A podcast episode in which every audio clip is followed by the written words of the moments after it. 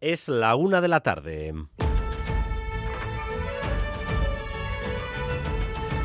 Crónica de Euskadi con Dani Álvarez. A Rachaldeón, el acuerdo para la escuela concertada acaba de ser ratificado por los sindicatos tras asambleas en las que se ha mostrado satisfacción por una conquista que les otorgará subidas salariales del 16%. Una subida, por cierto, de un volumen del que no muchos sectores pueden presumir en Euskadi. De momento, por tanto, la conflictividad se aparca en este sector al menos un año. Natalia Serrano, Arrachaldeón. Arrachaldeón, sí, el temor a qué pasará dentro de un año en esa negociación del convenio colectivo está presente, pero ha quedado apartado aquí en la Asamblea de los representantes de los trabajadores de ELA que han ratificado entre aplausos y luego con descorche de botellas este acuerdo. Acuerdo para poner fin a la huelga con subida de 16%, como dices, y no con homologación con la escuela pública como proponía inicialmente la patronal Crista Euskal Escola. La representante de ELA, Miren Zubizarreta, decía que su voluntad ni para esta negociación, ni tampoco para la que debe arrancar en 2025, es una dinámica de huelgas. Nosotros creemos que para la próxima ocasión estaría bien que no nos obligasen a tener que hacer ese mismo recorrido, porque nosotras tenemos cero ganas y ningún objetivo de llegar a ese punto. Este acuerdo de hoy, ha dicho, se podía haber firmado en abril. Desconocen por qué hasta ayer la patronal no puso sobre la mesa los contenidos que lo han permitido. La desconvocatoria de la huelga llegó in extremis, de madrugada, tras una última propuesta de la patronal. Con ello se evitan más días de huelga, pero, como decía Natalia, el asunto se cierra solo parcialmente, y eso es lo que remarcan con un amargor visible la patronal Cristau Escola y hasta las familias de la concertada, que se ven el año que viene otra vez ante el mismo escenario de posibles protestas. La presidenta de Cristau ya lo decía todo, con su tono a primera hora en Boulevard. Si la herramienta que van a utilizar siempre para presionar, para conseguir lo que desean es, la movilización, es el conflicto, bueno, pues sí que creo que requiere una reflexión. Una reflexión como sociedad y como país también. Además, hoy es el día en el que las protestas de los baserritarras han llegado a nuestro país. Y lo cierto es que, visto lo visto en Pamplona o en Vitoria, esas protestas han desbordado las previsiones. Iruña, Aritz Aguirre, Gasteiz, Natalia Díaz, adelante.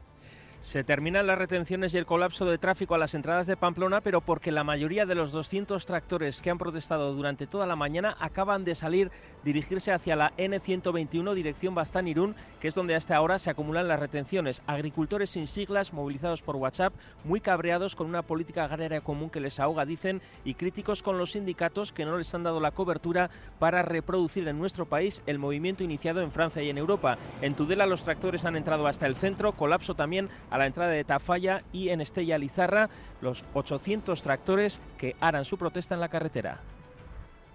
Aquí en Jundiz, Arrachaldeón, donde ha habido también hasta 5 kilómetros de retenciones, podemos decir que ya se normaliza la situación. Están aquí todos los tractores ya dentro de este polígono. Calculaban por lo alto que iban a ser unos 300, pues bien, cerca de 500 están inundando estas calles. Hasta media tarde van a protestar aquí dentro del polígono, delante de las plataformas en concreto de distribución de alimentos, aunque su día grande va a ser mañana la gran tractorada, a partir de las 10 en concreto, cuando partan todos juntos ya desde el parking del Buesa Arena donde van a dormir a la sede del Gobierno vasco. Importantes movilizaciones, aunque no todos los sectores las comparten. Es el caso del sector en Guipúzcoa, cuyo frente ahora mismo es el de la rentabilidad de sus productos, un tema que no está directamente sobre la mesa en este caso. Lo cierto es que Bruselas, la Comisión, parece haberse dado por enterada y consciente del malestar, empieza a tomar medidas que implican una cierta rebaja de las exigencias de producción. Amaya Portugal, Arrachaldeón. Las elecciones europeas a las puertas, la Comisión redobla sus esfuerzos por demostrar que escucha a los agricultores y retirará su propuesta de ley que exigía reducir a la mitad el uso de pesticidas químicos para el final de esta década. Anuncio de la presidenta Ursula von der Leyen ante la Eurocámara.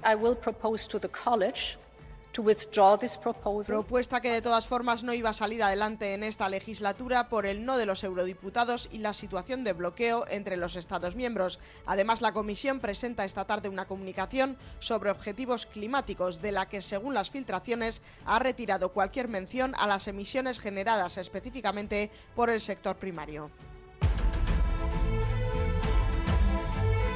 Por cierto, esta mañana y hablando de protestas, ha estado en Boulevard la alcaldesa de Vitoria, Maider Echevarría, y aquí ha reconocido que la idea de aburto, de que las manifestaciones se hagan por las aceras, no es mala del todo. En Gasteiz también sufren demasiados cortes e interrupciones debido a protestas que se repiten y que afectan, por ejemplo, al tranvía suceden muchas cosas, que la gente está pagando, la gente de a pie está pagando muchas veces el, derecho a huelga, pero también nosotros, las demás personas que viven en Vitoria, tenemos derecho a coger el transporte público. El Orfeón Pamplonés hace un llamamiento a la reflexión a las instituciones y a la sociedad. La tradición coral está desapareciendo y el relevo generacional no está garantizado. Por eso piden que la música y las artes en general vuelvan a las aulas. Es una situación a la que aseguran hay que poner remedio para asegurar ese relevo generacional.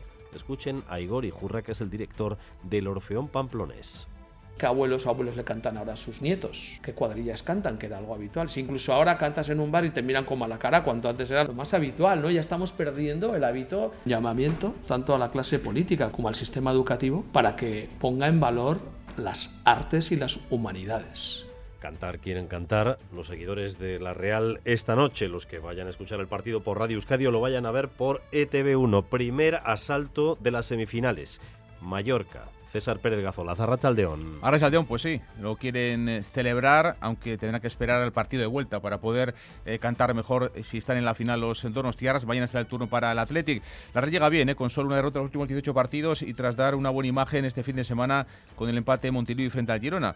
Los Bermellones no tanto, caían goleados 4-0 en Samamés en su último encuentro. Segunda semifinal de Copa en cinco años para el equipo Churdin, que ha recuperado para el día de hoy a Mikel Ibarzabal, al capitán, Ataque Cubo y a Traoré. A las 9 de la noche en Somox, Mallorca Real. Y ya tenemos decidida la final de la Winter Series de esta punta. Hablamos de pelota. Anoche Arich Erquiaga y Olivar Lucea derrotaban en dos sets a Olani del Río y van a jugar a final del día 18. Les esperan Goico y Unai Lequerica.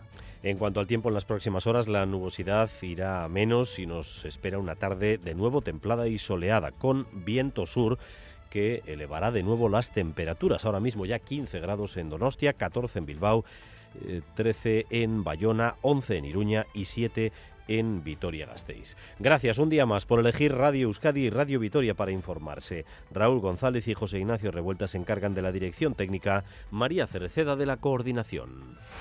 Crónica de Euskadi con Dani Álvarez.